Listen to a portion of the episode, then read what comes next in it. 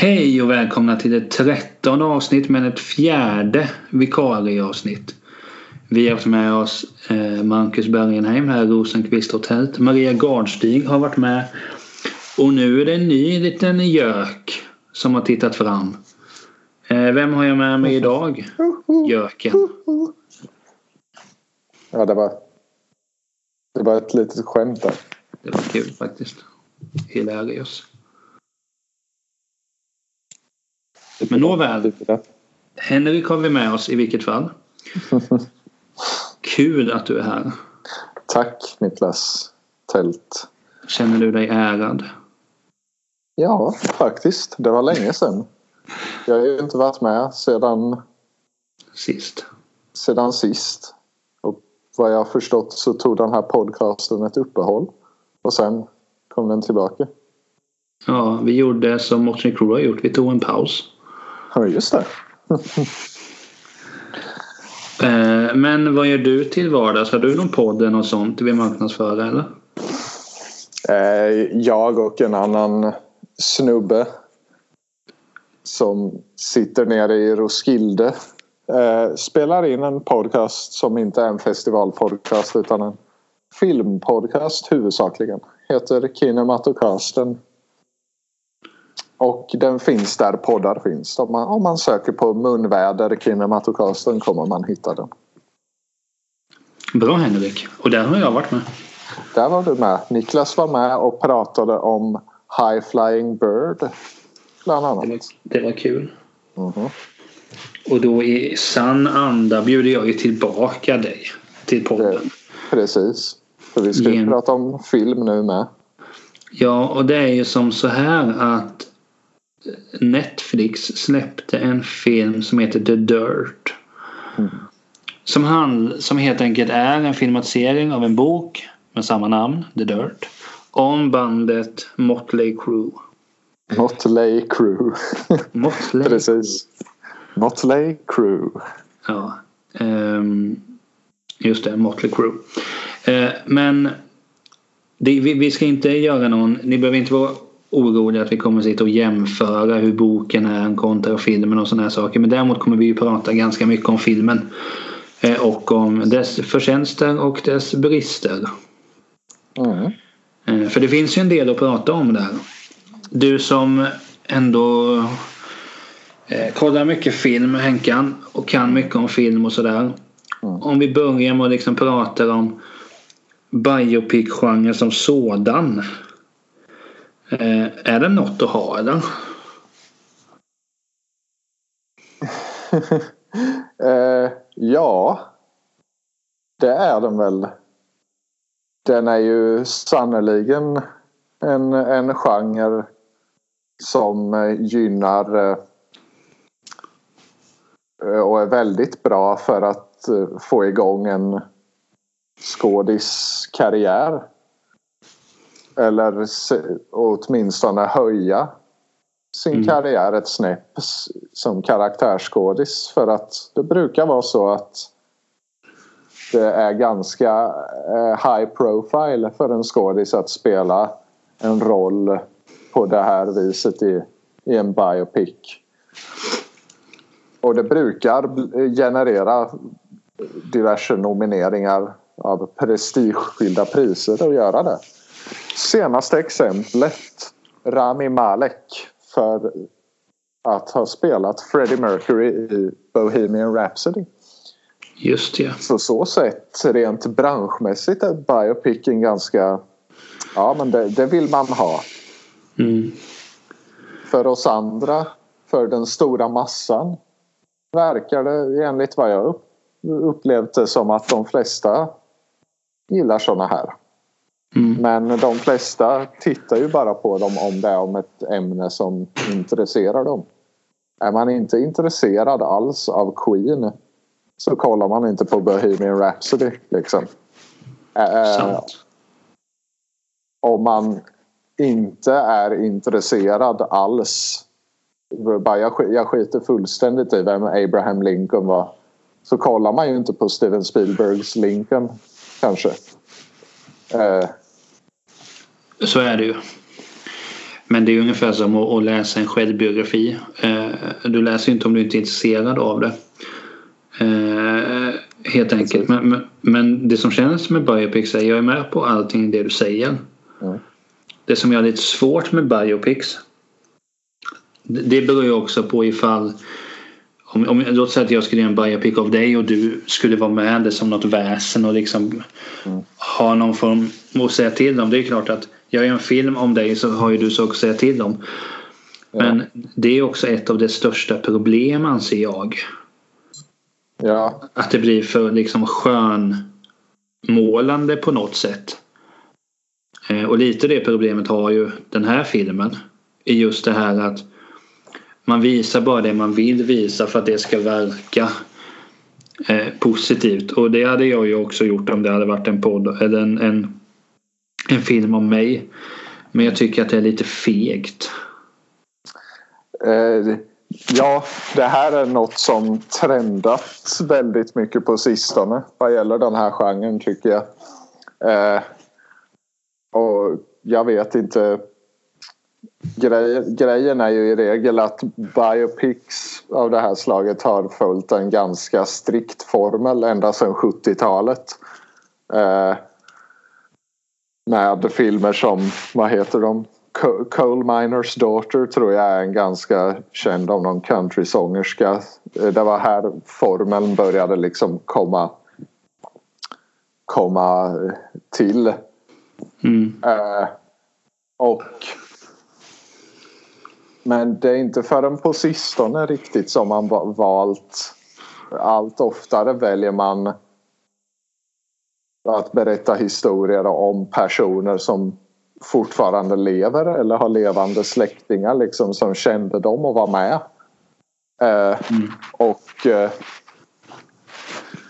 det mest relevanta exemplet tror jag bland annat är eh, Straight Outta Compton Just det. Som, äh, blev, den, den blev ju väldigt uppseendeväckande för att den var, den var Oscar-nominerad tror jag, men den vann inget. Det var väl för bästa manus vill jag minnas. Ja, så var det nog. Och Straight Outta Compton har ju den är ju inte enbart producerad av en som var med i bandet NWA. Den har även liksom en av de andra medlemmarnas son i huvudrollen som spelandes rollen av sin pappa liksom, i bandet. Det, ja. det, och samma har, har, gäller liksom med Bohemian Rhapsody där Brian May, Roger Taylor, trummisen och gitarristen i Queen har varit med och producerat direkt involverade. Och detsamma gäller faktiskt med The Dirt. Om man stannade kvar i eftertexterna så kommer man till Kickstart My Heart börjar tona ut liksom så smäller de upp där produced by Vince Neil, Nicky Six, Tommy Lee, Mick Mars. Och, och då, ja. då, är det ju inte konstigt att man undrar lite att hmm, nu när ni säger det i Straight Outta Compton det var de, de var väldigt eh, flyktiga med just det här att Dr Dre, producent till filmen eh, har en ganska taskig kvinnosyn och eh, misshandels... Är det domar till och med eller är det anklagelser? Jag tror det är domar. Ja, eh, i vilket fall väldigt mycket sådana kring sig. Det är en märklig sak att inte ta med kanske. Och det är väldigt, väldigt mycket närbilder eh, på Brian May i Bohemian Rhapsody av ingen anledning alls när man tänker efter. Eh, och ja, det... Jag menar The Dirt. Grabbar, grabbarna grus. Det är en väldigt grabbarna grusig film. Sådär. Bara, ja, men vi, det är klart vi gjort lite dumma saker. Men kom igen. Kom igen. All in the name of rock. Kom igen. Ja, eller hur? Nej men om vi då eh, tar oss till eh, The Dirt så som sagt en, en eh, baserad på boken om Motley Crue. Det är helt enkelt då Nicky Six och, och Tommy Lee, Vince Neil och Mick Mars. Alltså de, de kända bandmedlemmarna som nästan har varit med hela tiden. Det som jag dock tycker är intressant att så här, det märks så tydligt.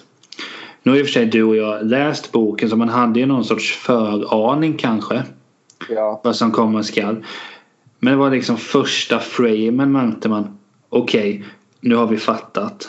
Mm. Hur allting kommer bli. För det introduceras att, att eh, det, det, är så kul. Nicky Six, Nicky Six karaktär då säger det någon gång när de ska hålla sin första konsert. Att fan tänk på det egentligen. Vi är en, en gammal gubbe då som de tänker att Mickey Mars för han är lite äldre. Ja. En person som bara vill digga med kvinnor. Och, ja. Alltså vill digga med kvinnor med att spela musik, minns ni? Någon sorts om han sa någon, någon, någon tonårig trummis som Tommy Lee. Och någon, så jag kommer inte ihåg vad han kallade sig själv men det var ju någonting att en att hemlös person eller något sånt. Ja. Det liksom skulle cementeras. Och där fattar man ju, okej okay, det är en sån film. För i princip ja. hela filmen handlar ju om det ibland känns det som det är en spelfilm, som det är en biopic om Nicky Six. Mm, det är sant. Vilket jag inte tror han har någonting emot. Jag tror eh, inte heller det. Jag tror att Nicky Six eh, i egenskap av producent och eh, faktiskt eh, har, har varit och petat jättemycket i den här filmen liksom. Om hur framingen som vi filmanalytiker brukar kalla det ska se ut. Mm. Men för vi säger, vi säger så här att det är väldigt eh, jag tänker framförallt på ett exempel. Eh, och alla som läst boken känner till och läst någon av alla 17 böcker Nicky Six låtit ge ut. För att han kan ju inte sluta att prata om att Ja, en, gång tog jag, en gång var jag heroinmissbrukare och råkade ta en överdos och dog och sen, eh, sen blev jag återupplivad och gick hem och, och tog mer heroin direkt efter. Den, den scenen är väldigt framad, framad liksom väldigt sådär uh, se, till, se till så jag ser riktigt plågad och torterad ut sådär på ett coolt sätt. Du vet, jag är en plågad konstnär. Framade så. Och dessutom är det här tonsatt till Johnny Thunders låten You can't put your arms around a memory. Fantastisk låt. Väldigt bra låt. Påstått, det har påståtts att den handlar om Johnny Thunders egna heroinmissbruk. Och alla som känner till någonting om Nicky Six vet att han har snott hela sin image och all sin inspiration från Johnny Thunders och New York Dolls. Så, så man, man, man tänker lite att ja, Ja, det, det, det, är väldigt många saker som faller på plats där. Men, men sen är det också det jag tänker som att om du då, eh, eh, som i det påstående jag gjorde och som du följde med på det att den handlar om Nicky Six. Det är också att egentligen så har de ju lagt fram det som att Nicky Six är den enda som inte framställs som en douchebag utan det, det läggs ju fram att han hade ju missbruket. Ja men precis. Man, ska, man förstår ändå varför han gjorde som han gjorde och sen är han så fin han åker och ber om ursäkt för att han var hög på Tommy Lee och Eddie Locktish bröllop. Han ber om ursäkt. Jättefint. Vilken fin människa. Mm. Eh, men det var ju flera år senare han bad om ursäkt. Ja, och det var det. Saker. Och det är också det som är så kul när de porträtterar första gången som Tommy Lee är med då. Mm. Så sitter han i sitt rum och läser om, eh, om musik. Mm. Och så är det tvunget att vara den största pulsen på väggen. Är på bandet London då som Nicky Six var med Var det ja. där han var med med Blackie Lawless också? Det borde det vara va? Ja, Blackie Lawless var med i det bandet. Jag vet inte om de var med samtidigt dock. Men eh, Nej. de har båda varit i det bandet i alla fall. Ja. Men då sitter ju han, eller då går ju Tommy då med en såklart jättesnygg tjej till den spelningen. Vad annars? Och så går de in på något fik så ser de Nicky Six varpå han blir oerhört starstruck. Mm. Och liksom bara så här, blir så nervös så att han tappar en trumpinne. Ja precis. Nicky Six är liksom... Eh, jag förstår vad du är på väg. Det är liksom, framingen så är den som sån att Nicky Six född rockstjärna. Han är ja. redan rockstjärna. Han spelar då har vi redan liksom hoppat från Nicky Six när han... Jag tror scenen innan är i princip när han ringer sin pappa då, eller den han tror är sin eh, pappa som har övergivit honom då och fått ett eh, hör aldrig av dig hit mer. Så eh, så jag bytte min identitet och sen hoppar vi direkt till Tommy Lee och då är Nicky Six liksom redan rockstjärna på, på Sunset ja. Street. Då. ja, och han får All, specialbehandling. Ja, men precis. Och alla de här eh, fantastiska eh, eh, delarna som till slut blev Motley Crue de kom och vallfärdades liksom till honom så småningom. Ja. Så rock'n'roll som han är. ja, och det är det som jag tycker blir så oerhört kul på det här för att Alltså som sagt, är man med i produktionen så man förstår ju lite vad som komma skall. Men det blev nästan så oerhört märkligt och töntigt bara så att för att alltså, som jag fattade, London var ju inte ett särskilt jätte... Alltså de var säkert ett hypat band men inte mer än så. Nej. Men det här var ju i princip som om Tommy Lee hade gått in där och sett eh, Kiss. Ja, precis. Alltså det var ju på den nivån. Och det tyckte ja. jag var, var oerhört kul. Det, det är rätt kul. Det säger något och då är ändå vad jag har förstått Tommy Lee liksom. Det, han, är, han, är ju, han har ju också varit direkt involverad. Och det här var, han var okej okay med det här. Ja men det, ja, men det är bra. Det, det är en bra Telling ja, jag, story liksom. Ja, men jag tror ju så att, att jag tror ju bara att Tommy och Nicky har varit involverade. Jag tror, jag tror inte Vince och Mick mer än har varit på plats någon gång och snackat med dem typ.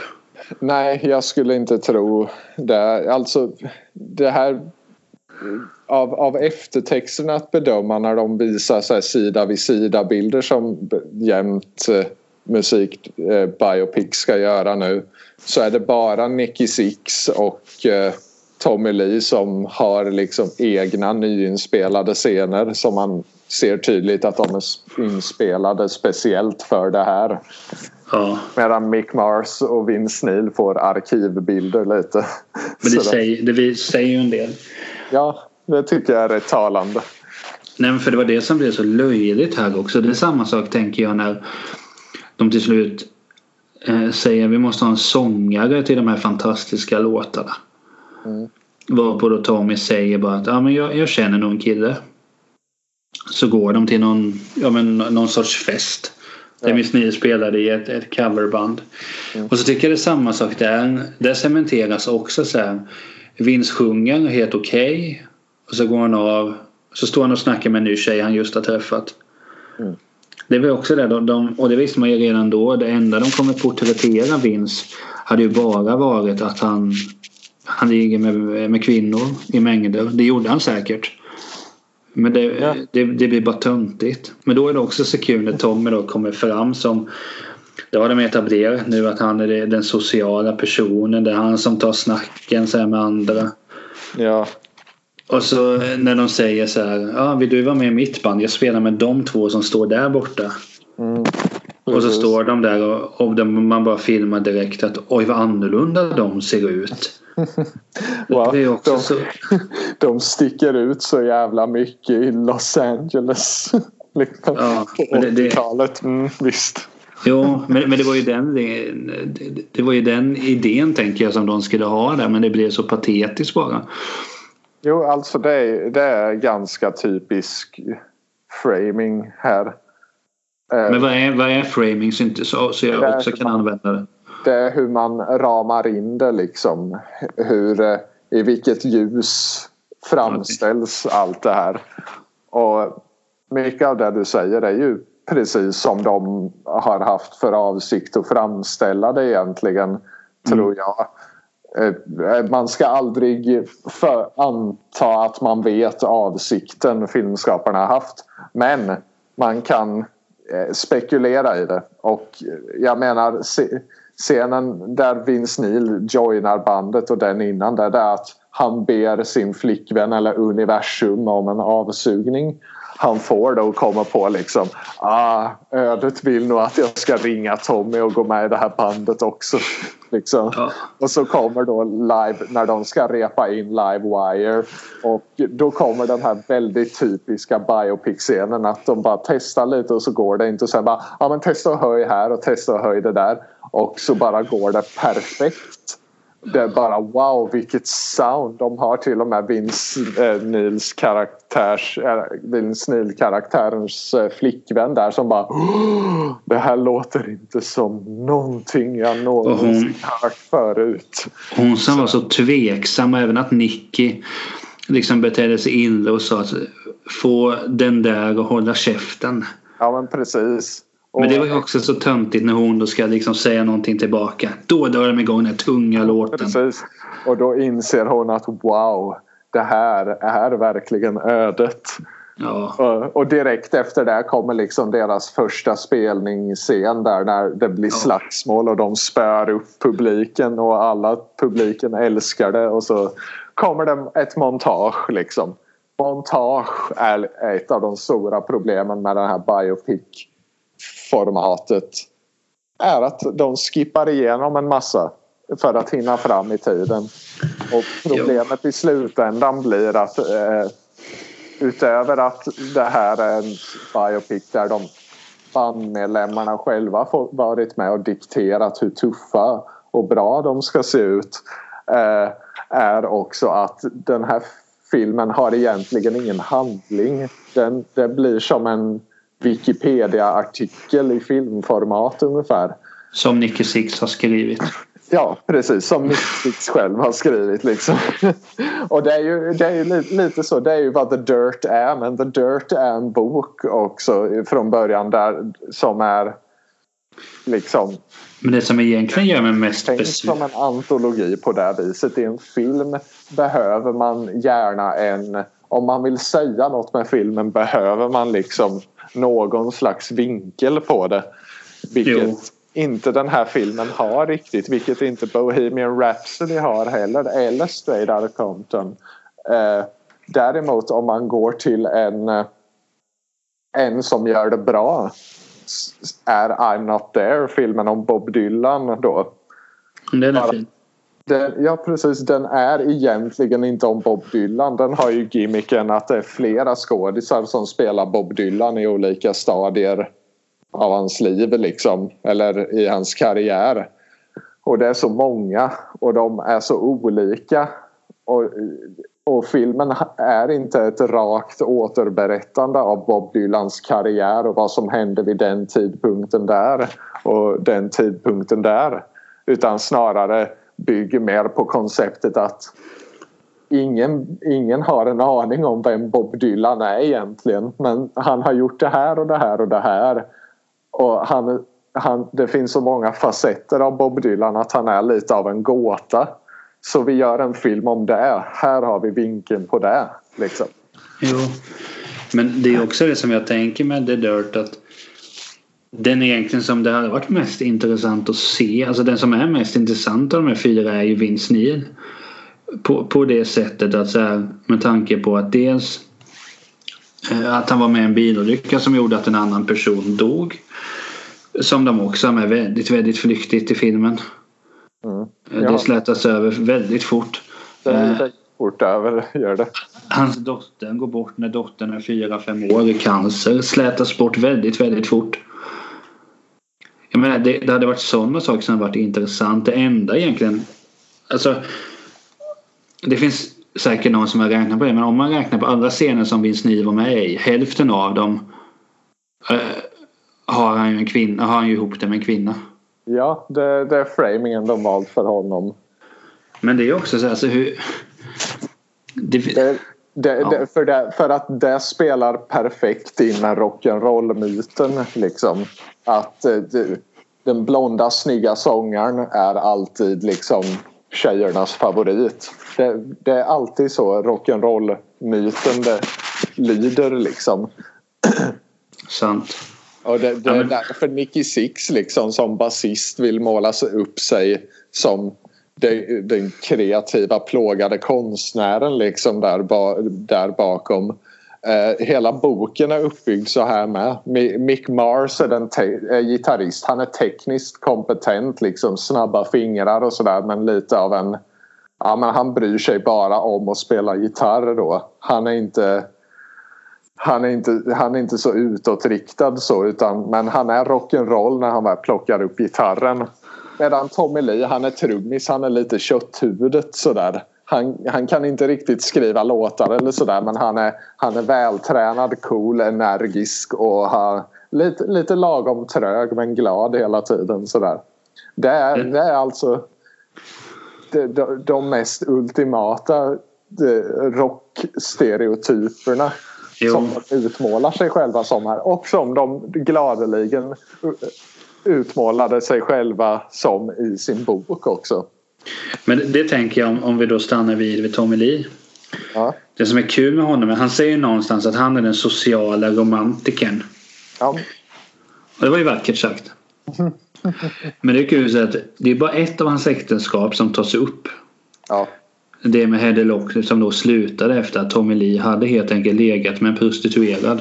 Som ja. alla rockers gör. Ja. Men de var ju gifta ett par år. Den då som spelade Hedda Loxley var med i två scener. ja. Den ena scenen var hur Tommy raggade upp henne. Nej, tre scener. Första mm. scenen var bara att Tommy han, han, var så nervös men ändå lyckades han ragga upp henne. Helt sjukt. Mm. Ja. Eh, scen två är när de gifter sig. Mm. Men hon syns ju knappt i bilden. Mm. Eh, det är mest fokus på Nicky Six även där. Mm. Och scen tre är när hon kommer på att Tommy har varit otrogen. Det är ja. de tre scenerna hon är med i. Precis. Och Pamela Anderson är inte med någonstans. Nej. Den... Undrar, undrar varför. Hon är, med, hon är ju med spirituellt i och med att det kom, de tar med en scen som jag inte kommer ihåg från boken i alla fall. När Tommy Lee ska gifta sig med Roxy, heter hon. Och Roxy ballar ur totalt på Tommy Lee. Eh, vrålar, skriker, gapar eh, och kallar hans mamma för saker. Och efter ett tag så slår han till henne i ansiktet. Och det här, det här är en av de... Det här är så bortom dålig självinsikt så det är inte sant för de har ta, bara tagit med det här. Det är så uppenbart för att inte liksom, ingen ska kunna säga att ja, men vi slätar inte över liksom att Tommy Lee uh, har, har eh, liksom misshandlat kvinnor och har problem med sina aggressioner och sådär. Men, men ni måste ju liksom se att det var ju hennes fel också. Såklart. Det är därför de har gjort den här konfrontationen så väldigt liksom eh, intensiv på det sättet. Eh, så vad de, jag vet, jag är rätt säker på att de tror att de framställer det här på ett rättvist sätt. Men det gör de inte. De framställer det som kvin hysteriska fruntimmer. Ibland måste man faktiskt slå till dem. Det är så de framställer det. Jo, men det, men det, det är liksom det, den enda. Det är bara en kort blinkning till hela Pamela Anderson-grejen som var mycket större än så. Som fick så mycket mer uppmärksamhet än vad hela Motley Crue fick på he, under liksom loppet av 15 år. Men han satt väl inne för det till och med? Ja, det gjorde han. Jag tror han blev dömd. Men jag vet inte. Eller han satt i häkte i alla fall gjorde han ju. Sen vet jag inte om hon drog tillbaka sin anmälan. Jag kommer mm. inte ihåg riktigt. Jag vet bara för några år sedan kom det upp någon grej. Att Tommy Lee hade fått stryk av sin son. För att han hade... What? Ja, men för att han hade sagt... Han hade pratat nedlåtande om Pamela i alla fall. Mm -hmm, okay. Sen hans son lagt ut en bild när Tommy helt avsvimmad och sagt Ska det bli som förra gången du snackade skit om mamma? Mm. Och ser man att han är helt avsvimmad och full och har fått stryk och ligger på golvet i fosterställning typ. Nej men för, för, för, att tala om det, det är intressant och Motley Crue framställer sig ju själv att eh, genier som gör musik de är hårda som ingen annan. Mm. Eh, och sen kan de få hur mycket kvinnor som helst. Mm. Det är ju intressant således att prata om kvinnobilden som finns i filmen. Ja, Men saken är att det inte är med några kvinnor mer än när de ligger med Vince. de... Eh, prec, nej, precis. Precis som i boken och som, så som jag har upplevt alltså sinnebilden av rock 80-talet så är, är kvinnor accessoarer eh, mer. Eh, de är accessoarer, groupies, något, något liksom att sjunga om i, rent, i ren objektform så. I, i, i rent sexuell, i, i sammanhanget av att vara sexuella objekt liksom. Det är sinnebilden av rock 80-talet som jag upplevt i alla fall att folk pratar om det, rapporterar om det och hur band själva berättar om det liksom.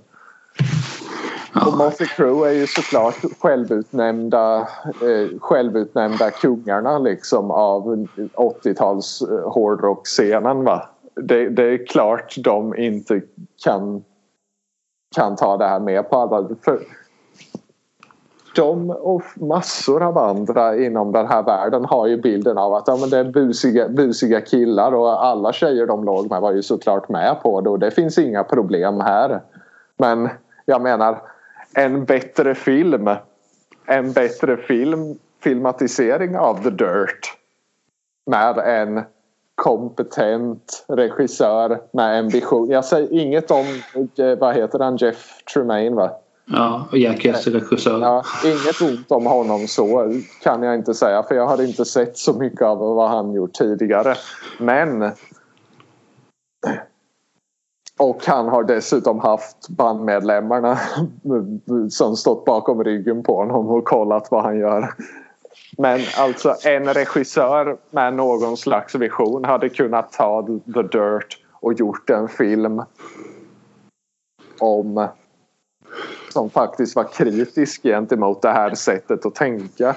Det här sättet eh, som det berättas om det glada, hårda, tuffa rock 80-talets scen liksom och, och vad jag inte verkar märkligt nog hålla med om att det, det, det går inte att leva i en sån värld utan att kvinnosynen är liksom riktigt ruskig. Nej, men det, det är där det hade varit intressant att liksom ta med. Fast å andra sidan läser man den boken. Kvinnosynen är ju ruskig. Ja, den är ju det. Eh, Så det, och det är ju som Nicky. Han hävdar ju att han var full och hög och allt vad han var. Eh, Han har ju aldrig gjort någonting fel i sitt liv i alla fall. Det är alltid eh, andra orsaker. Ja, han, säger, han säger ju att han har gjort fel men att det är bara sån jag är. Jo, men det är ju som när man talar med en femåring som säger att du får inte slåss. Jo, men jag vill slåss. Nej men precis, jag måste slåss. Ja, men det, men, Ja, men det var som jag läste någon intervju. Jag tror det var du som skickade den till mig. Så kom det upp att det var någon sorts. Jag hade helt glömt bort den i The Dirt-boken. Att det var någon scen som skulle kunna uppfattas som en form av våldtäkt. mm, jo, det, det flö, flöt ju upp. Ja, varpå då Nickys svar var att jag förstår inte varför den kom med i boken. Ja, det är ju inte det som är problemet, att den kom med i boken i sådana fall. Problemet är att det har skett. ja precis. Och ingen har riktigt bara oj, ja, jag gjorde, ja hoppsan, ja, jag vet inte. Jag kommer inte ihåg det. Men jag gjorde mycket skit så ja, det var ju lite dumt. Hoppsan. U- ungefär. Men vi, som de säger i, nästan i slutet av filmen där bara We had a great ride didn't we? Ja, ja det var väldigt, de, de hade nog kul. Ja, men det, det är sådana saker som jag tänkte mycket med. Att, för att om vi då jämför med andra biopics. Mm. Den jag nästan gillar mest är ju Walk the Line. Mm. Om Johnny Cash där. Där känner jag ändå att man tycker om dem till slut. Alltså, man känner ändå ja Johnny fan vad tur att du fick ordning på det här när du träffade Jun och vet hela den grejen. Men i den här filmen är det alltså det, det finns ingenting med någon av dem som, är särskilt, som gör det särskilt likable.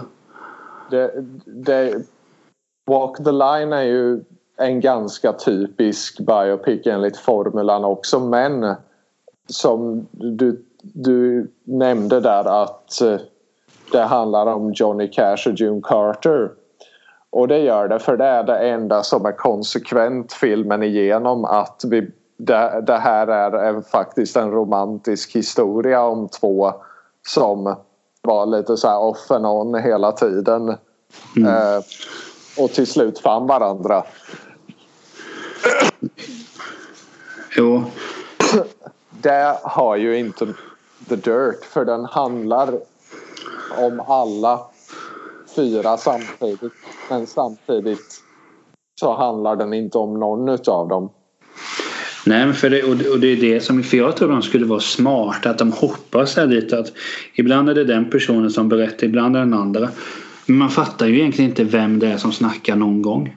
Nej, precis. För att alla låter ju likadant. Ja, det är en bra poäng faktiskt. Men för jag menar, alltså hade det varit så att de riktiga personerna hade snackat. Då är man ju ändå skillnad på Nicky och Tommy och Mick och Vince. Men här är det ju skådisen, de låter ju likadant. Ja, det, jag tror det är klippning. Det är nog klippningen som gör det mycket. Jo, men det var, det var som när de presenterade Tommy så tänkte jag bara Alltså varför ska Nicky snacka om Tommy? Men sen när de nämnde jag är trummisen. Jaha, det var bara att de lät likadant. Ja, precis. Ja, jag menar. Visst, det är en liten detalj men sen är det väl någonstans här som jag sa till dig någon gång vi pratade eller skrev att det är ju i princip 60-åriga gubbar som vill minnas en tid där det var lite enklare när man slapp ta ansvar. Ja, och det, det är väl kanske inte farligt i sig tänker jag. Det är ju inte så farligt i sig. Det är bara det att fil filmen är bara ett enda stort intetsägande med. Ja. Men det, det, är ju bara... Man ja, men... kunde lika gärna se, man kunde sett vilken annan film som helst. Jag menar det här är Bohemian Rhapsody och den här. De är exakt likadana. Och jag tror inte för mitt liv liksom om man nu ska utgå från någon slags eh, eh, jag vet inte, realism eller någon slags konstnärlig vinkel eller vad man än. Men jag menar, bara om man skrapar på ytan så kan man få Queen och Motley Crue att framstå som ett band med ex som har kämpat med exakt samma saker på exakt samma sätt i exakt ja. samma tidsordning. Och jo, det, låtar på exakt samma sätt. Men det är det som är... den här formulan. Ja men det är det, det som är kul med The Dirt att det är ju ingenting om musiken. Nej, och det är, för, det är fair enough för boken handlade ju inte heller om det.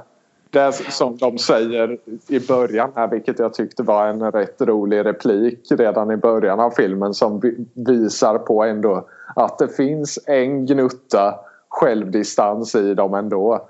Och det är repliken We weren't a band, we're, we were a gang, we were a gang, a gang of fucking idiots. jo, men jag tror inte det var menat som ironi. Nej, alltså jag, jag tror inte heller det är menat så. Men, men, det, men det blev kul. Det ja. så tycker jag. Det framstår som att det finns en, bara, oavsett var den repliken kommer ifrån så känner jag att det fanns någon på den här produktionen som ändå tyckte att vi får slänga in lite hintar i alla fall om att det här så det här inte blir liksom för glorifierande. Någon slags liksom vad heter dynamik i att den kan funka på olika nivåer. Sen gör den ju inte det tyvärr. Men det är en sån där liksom ah, här anar man en, en liten gnutta själv, av självkritiserande liksom. Jo. Och sen försvinner det lika fort tyvärr. Men ja. ja. Men sen tänkte jag också att det var kul med eh, för det har ju inte varit, det har inte varit samma gäng hela tiden. Det har ju varit lite annan sångare en period, annan trummis en period. Det var ju också någonting som slog mig att de hade bara med att min Vince var borta. Tommy var ju borta där ett tag. Ja, det var han Ja, eh, det var ju när hon Samantha Malone, tror jag hon heter, Maloney, spelade eh, trummor. Ah, okay. ja. Och det, det, det, är också ganska intressant för att någonstans tänker jag för jag tänkt mig, jag har sett den två gånger filmen. Mm. Bara för att somna det första. Somnade även andra men då var det under de partierna jag hade sett. Ah, okay. så, så då var det ju lugnt. Nej men för det blir lite så att så många gånger jag tänkt att det här är ju bara Tommy och Nicky som har brytt sig för att jag har bara så svårt att se överhuvudtaget tror jag inte Vince bryr sig att det har gjorts en film. Nej. Alltså han vill nog bara spela golf och vara full. ja men troligtvis alltså det, det, det Ja, var, var det inte några år sen nu när de, Motley Cruz skulle göra någon spelning någonstans och Vince Neil hade sagt typ till, till presskonferensen bara jag gör ju det här för pengarna bara och alla andra i bandet hade bara han säger du människa ungefär? Och det, det, är så, det är så kul tycker jag att slutet på den här filmen blir liksom ah, vi gick igenom allt men vi kom tillbaka. Vi stod upp mot och sen och vi lyckades och så avslutas filmen i fyrverkerier med hur de liksom står enade på scen. Gamla gubbar nu men ändå liksom fortfarande still going strong. Och så, så kunde de inte ens hålla sams i typ två år efter det ändå. Jag menar. Men det var också lite kul för jag, jag tittade på, visst ni var ju med i Filip och Fredriks program hon, eh, High Chaparral. Eh, det här var ju innan Motley Crue återförenades. Mm. Så nämnde de, så pratade vi lite om Motley Crue så frågade han bara har ni någon kon kontakt idag? Nej. Mm. Är ni vänner idag? Nej. Det har vi aldrig varit. Nej. Precis. Det alltså den den intervjun är så intressant för den säger så mycket mer om, inte bara om Vince Neil men mycket om Motley Crue än vad boken och filmen The Dirt gör tillsammans alltså. Och det jo. tycker jag är fantastiskt. Det här är ett knippe ganska tragiska och trasiga människor. Jo, och det är just det för att alla är jag menar Nicky då har ju haft sitt drogmissbruk länge. Mm. Som han mer än väl pratar om. Ja. Eh, Tommy är ju mer eller mindre alkoholist, eller han är väl alkoholist och, ja, ja. Och har sina problem med att slå kvinnor och, och sådär. Ja. Och Vince har ju också ett satans mörker både med att han har att han har varit delaktig i någons eh, död. Ja. Eh, för det vart han ju fälld för. Ja. Precis. Eh, och, och Mick har ju sin, jag kommer inte ihåg vad sjukdomen heter men det är en sjukdom i alla fall som är, Ja exakt. Det, det, det är nästan ingenting, alltså det är sånt som hade varit här läggs det bara fram som att ja, men det är fyra syskon vi vill lägga fram till. Vi har bråkat, vi har gjort det. Ja. Men vi har varit med om mycket. Ja, men det, det blir lite den här. Vi, vi, har förvisso varit en dysfunktionell familj men likväl en familj. Och familj är liksom det bästa. Det är det jag tycker. Scenen när de går för att eh, försonas med Vince Neil efter hans dotters död. Och Nicky Six säger liksom Ni är den enda familj jag någonsin haft liksom. Ni är den enda riktiga familjen jag någonsin haft till alla. Och, och, alla liksom bara nickar med lite sådär. Fan vad djupt och bra sagt Nicky. Och man bara det här är så jävla äckligt tillkonstlat. Alltså inte ens det. Till och med de hade den goda smaken att inte ha med något sånt i boken. Eftersom de i boken ändå tar upp hur jävla mycket de hatade varandra under hela 90 och 00 början av 00-talet. Jo, alltså jag, jag, måste leta upp den boken snart och läsa om den. För det var just det jag skulle säga. Att när, när jag läste boken. Mm. För den läste jag ändå. Det var ju du som fick in mig på det så det är ditt fel. Ja. Sorry.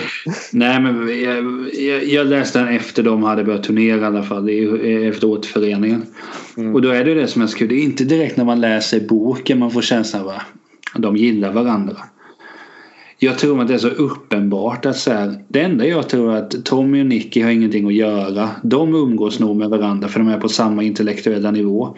Mm. Jag tror inte att vare sig Mick vill nog bara spela gitarr. Jag tror inte han bryr sig om vad paychecken är egentligen. Nej.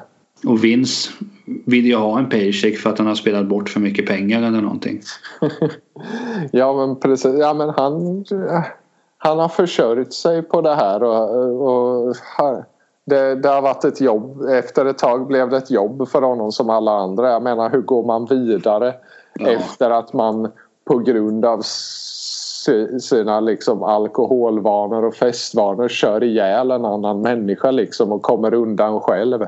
Det är liksom en vanlig kännande människa går inte vidare, studsar inte bara vidare hur glatt som Nej. helst efter något sånt. Men det är så, också så kul den scenen, Nej, inte den scenen men så här när han kommer tillbaka har varit suttit inne och Nicky frågar ska du ha en eh, mm.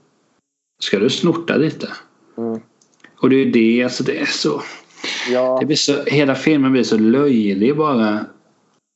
Ja, alltså, precis. De, de har ju ingen, egentligen har de ju ingen historia att berätta. En, en bra film här hade kanske tagit okej, okay, vi gör så att vi, vi gör att det bara handlar om från att Motley Crue slog igenom stort med Shout at the Devil fram till dess att Vince, det, tragedin med Razzle hände och vad som hände sen.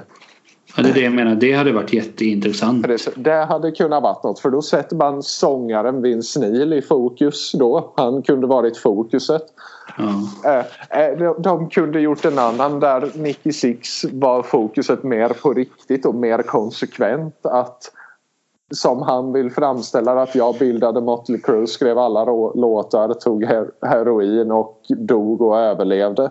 Ja men okej, okay, gör en film om den biten då. Men det kommer ju komma snart. Ja, men precis. Den här filmen kunde varit där liksom. Eller, eller jag menar ta, ta, gör en film om alla, absolut. Men då, då om man ska berätta någon slags historia som säger någonting då får ni ta en kort del av deras karriär liksom och sen kanske ni kan hoppa tillbaka ända fram till ja, återföreningen Carnival of Sins liksom om ni nu vill ha den här Bros Forever eh, delen då. Ja. Jag menar men det... det... finns så många bättre sätt man kunde gjort den här filmen på för att det skulle kunna blivit en bättre film än att bara göra en, en paint by numbers uh, biopic där ja men här har vi den scenen, den måste vara där och sen blir det så, sen montage, sen har vi den scenen, sen montage, sen tragedi där och sen lyckligt slut. Eh, precis som Bohemian Rhapsody liksom. Det blir så skevt och det blir så ointressant. Alltså du har ju fått mig att inte uppskatta Bohemian Rhapsody nu. Jag gjorde ju det innan men fan. Jag säger, jag säger därmed inte sagt att liksom vare sig The Dirt eller Bohemian Rhapsody är dåliga filmer för att de följer den här formeln liksom. Men jag menar de kan vara väldigt bra om man kanske inte har jättestort intresse av Queen eller Motley Crue. Ja, men det här var ju intressant. Jag kanske vill... Det här kan jag kolla på. Ja. Jo, men sen är det så kul. Så får man mer intresse och så fördjupar man sig och sen inser man att oj vad skit den här filmen som fick mig in på det här var. Men nu har jag ju upptäckt det i alla fall så tack för det. Men sen tycker jag det är så kul när eh, då när de har den här scenen och säger att när Nick säger du är min enda familj så säger han ju där också i princip så ja just det jag har ju glömt sagt det men eh, jag beklagar ju din dotters död. Ja, jag menar det och det här ska ändå föreställa liksom precis innan de återförenas. Ja men det är det jag bara tänker för att eh, och det är det också som är kul för jag läste sen någon, någon artikel där det stod men sen det vi, alltså hela filmen efter när Nicky har blivit full eller ren menar jag den delen den delen handlar ju bara om att Nicky känner att ja, jag måste göra det enda rätta. Jag måste få tillbaka bandet. Så att allting som händer är på grund av att Nicky tänker allting och är ett geni. Ja, men då är det också det som är kul. I princip att han sätter sig på en restaurang med sin då manager. Vad heter han? Eh, Tom Stout måste det vara. Spelar Ja, Pete Davidson. Helt okej. Ja. Helt Eh, okej. Men, men det är också bara så här att ja, vi ska få ta hand om vår egen musik. Inte ens Ja, Beatles gör det. Beatles ska fan få göra det. Du märker, märker du liksom var i musikhistorien Motley Crue positionerar sig själva när de har med en sån replik? Det är Ja, vi och Beatles. Det är vi och Beatles. Ja men det är magstarkt. Liksom. Det, är, det, är kax, det är bra jävla kaxigt alltså. Nej men är inte Nicky Six och George Harrison på liknande nivå? Ja, eller hur? Ja, Nicky Six skulle nog se sig själv som John Lennon eller Lennon och McCartney i ett. Fast mer rock'n'roll. För att Ja. han liksom fått haft publik som spottat på honom någon gång liksom och bara yeah rock'n'roll. Ja, Det är sådana saker som är så... Alltså, de har ju inte gjort de mänskliga någon gång. De enda gången de försöker göra de mänskliga är när Tommy blir arg för att Fan, varför gjorde jag så här mot Heather? Mm. Ja, men, ja, varför gjorde du det? Du bryr dig inte om någon annan än dig själv. Nej men, nej men precis, de har ingen in, inget intressant att säga inget intressant att säga om om Motley Crue i den här filmen. Det är bara det här var Motley Crue. Det här påstår de att de har gjort. Ja, men jag tänker så här Slut. Lyckligt. The end. vi, vi får ju, som deras turné hette, oj vad, eh, vad kreativt. Eh, nej men som jag också tänker på när de, vad heter det, eh, när de då pratar med den här managern och säger Beatles måste också ha hand om det här. Det fixar Nicky hur enkelt som helst. När de ska återförenas, det fixar Nicky hur enkelt som helst. Ja. De Och det var glömde- ju också kul i den här intervjun med Vince Neil som Filip och Fredrik gjorde. För jag tänkte att jag vill minnas att han snackade lite om detta. För den var inspelad några år innan. Ja, och så frågan bara, har, har Nicky och du pratat om det här och haft kontakt? Nej, det är, våra, det är min advokat som gör det. precis. Så det, det är samma sak där. Alltså.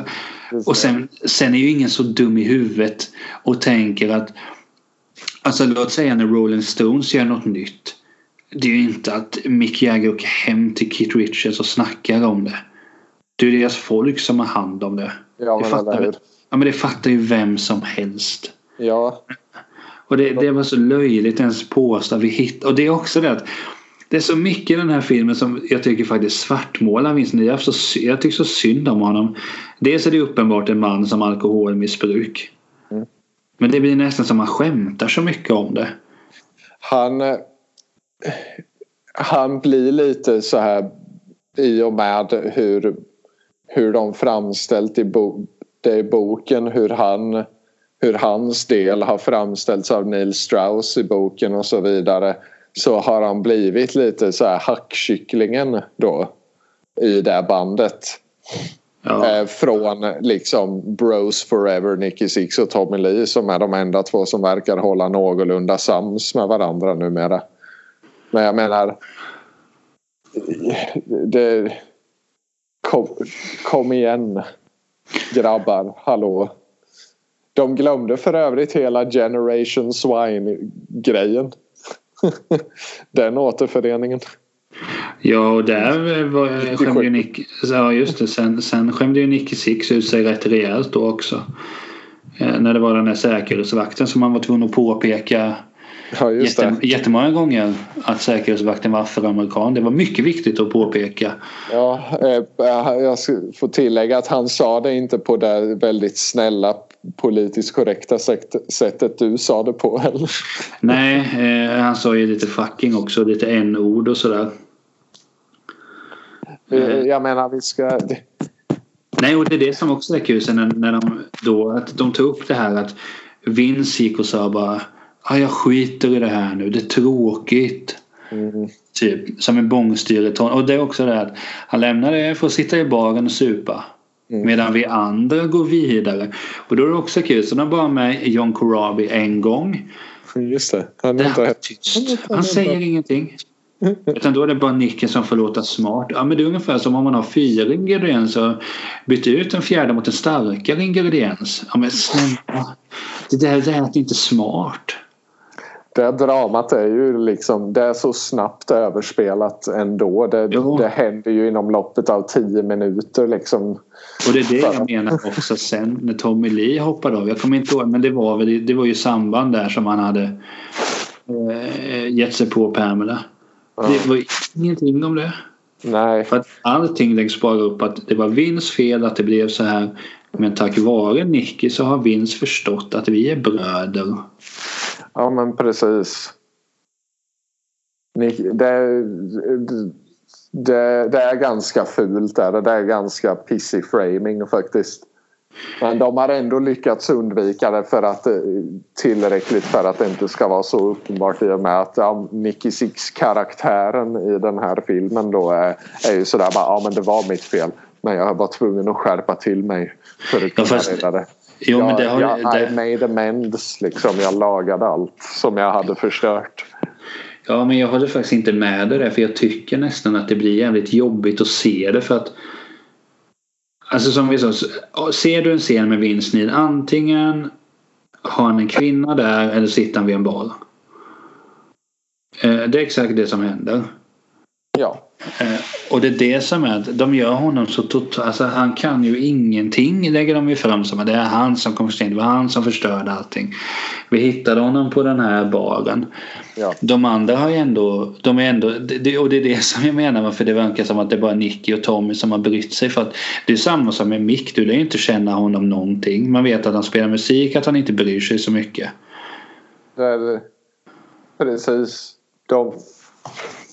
Ja det, man, man får inte glömma här kanske riktigt att eller det som är intressant tycker jag att Motley Crue har då, i kontentan tycker jag Motley Crue lät skriva en bok eh, om eh, där större delen handlar om hur mycket de liksom sitt vilda leverne Mm. Mycket stämmer säkert överens med liksom vad andra sagt. Eh, ja, vad, hur andra upplevt 80-talet. Men uppenbarligen är inte det här en bok man riktigt kan lita på. Det är liksom en performance-grej. Den är, Nicky Six erkänner nu när han blir ifrågasatt att ja, jag, jag, jag gick ju på rätt mycket droger och alkohol när jag gjorde de där intervjuerna med Neil Strauss. Neil Strauss som är för övrigt liksom erkänd eh, så här, eh, vad heter det, PUA, eh, pickup artist snubbe. Eller ja, en sån där, vad heter det? Ja men pickup artist, en sån där Barney Stinson med, med en bok med regler och sådär om hur man raggar på tjejer och sådär då. The bara, game. Ja precis, the ga en gamare på det viset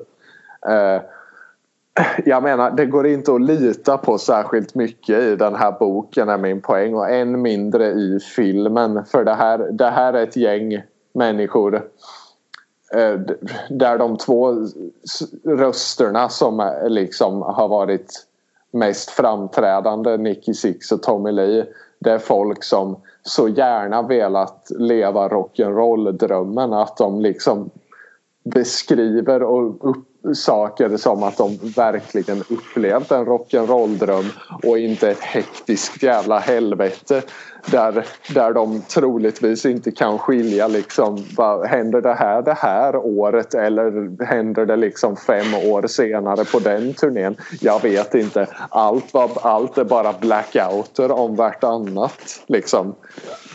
De har ju ingen aning om själva. Därför har de målat upp tillsammans med Neil Strauss och nu med de som skrivit den här filmen en bild av sig själva som några slags rock'n'roll-klyschor för att det är där de liksom alltid velat vara. Vilket också är tydligt i filmen i och med att de nästan säger det rakt ut flera gånger. Så den är nog inte så särskilt korrekt den här filmen. Och jag tror man ska ta med en väldigt stor nypa salt boken också. Ja. det enda man kan vara säker på tror jag är att Motley Crue var vilda. De, de var vilda på 80-talet. Som så många andra. Det var Reagans USA liksom. Det var, det var fucked up på alla Jo. fronter.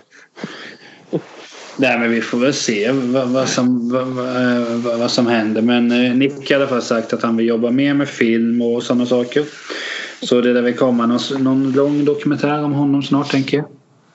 Ja, för Nej, en filmatisering av den där Heroin Diaries heter den. ja. Eller en radiopjäs kanske. Säg inte det.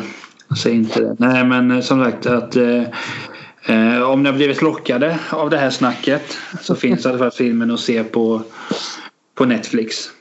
Eh, En film sen- som... Ja, förlåt. Eh, nej men jag ska, jag ska ändå säga att jag kommer säkert se den någon gång mer. För jag tycker ändå så här, det är kul att se filmer. Men sen är det så här att när jag läste boken första gången tyckte jag att det här var skitcoolt. Mm. Men är man runt 15-16 och läser en bok om vuxna karlar som ligger med jättemånga brudar. Det är klart det lockar lite. Alltså så, så var jag ju funtad när man var där. Mm. Men nu, alltså nu blir det ju mest bara så här intressant för att den är så märklig. Den, den, den säger ju något om... Eh, inte bara om hur problemet med liksom den här typen av formel eller mall de använder för såna här typer av filmer utan den säger också om att den här filmen är inte gjord av några personer som är intresserade av att ta någon slags kritisk eller konstnärlig syn på liksom historien de vill berätta. Det här är precis som Bohemian Rhapsody gjord av överlevande bandmedlemmar. Överlevande inom citationstecken då. Eh, som tagit alla tillfällen i akt att utmåla sig själva som Genier. jävla, som genier, precis. Det, det, är inte, det är ingen överdrift att säga att det är så de vill framställa sig själva. Inkluderat liksom, ja, Brian May i Bohemian Rhapsody. Jag tror inte du kommer gå, jag tror inte du kommer youtuba Brian May-klipp ikväll. Nej, det tror jag inte. Nej men vi ska väl avrunda här eh, för att nu har vi ju hiss, ja, hi- hissat har vi väl inte gjort jättemycket men alltså jag tycker ändå det är en helt okej film. Eh, man kan inte överanalysera allting som vi kanske har gjort här men ja, den funkar. Men det är väl på samma sätt som så här. Den är skön att ha igång samtidigt som man kanske smsar med någon polare eller någonting. Ja, Eh, ja. Men som sagt, jag tror inte att de skaparen hade som ambitioner utan att vinna Oscars och sånt. Eh, utan jag tror mest det var för att ha kul och visa på familjen. ja men precis. Det är, det är en ganska stand, standardgrej. Som de, de har säkert haft kul när de spelat in den här filmen men de de säger inte särskilt mycket om någonting egentligen. Nej. Eh, men då får avsluta Henrik. Även vad vi har gått igenom så är vi ju som bröder. Ja, Eh, Forever. Ja, forever. Vi är ju där på riktigt och vi har hela gang. Nej, inte ännu men det kommer väl. Ja, det kommer. Det är då vi gör en film om det. Att egentligen beror det inte på det. Egentligen beror det bara på att jag var så helt inne i mina studier så jag glömde bort dig. Istället, dina studier istället för heroin. Ja, exakt. Så blir det lite kul. Nej, men det, det var jättekul att ha med dig eh, Benke. Ja, tack för att jag fick vara med och skrika och gapa om att typ, alla gör dålig filmanalys utom jag. Det är väl det som är en filmanalytikers eller filmkritikers uppgift. Ja, i mitt fall är det det får jag nog säga. Lite Nej, men du kommer få medverka fler gånger. Nu har vi hittat tillbaka och gjort en återförening här. Ja, men precis. Så nu... Här, förhoppningsvis är det här inte vår generation swine. Nej, det var ju inte så många bra låtar på det albumet. Det var inte så lyckat. Jag vet inte om den var på det albumet eller New Tattoo. Det måste vara på Generation Swine där Tommy D sjunger en låt om sin son Brandon som är så oerhört dålig. Just det. Var det Brandon sen som gav honom stryk då? Ja, Jag tror det. ja. Nej men som sagt. Eh, följ munväder och kinematokasten. På återseende. Tack. Ha det gott. Tack. Hejsan.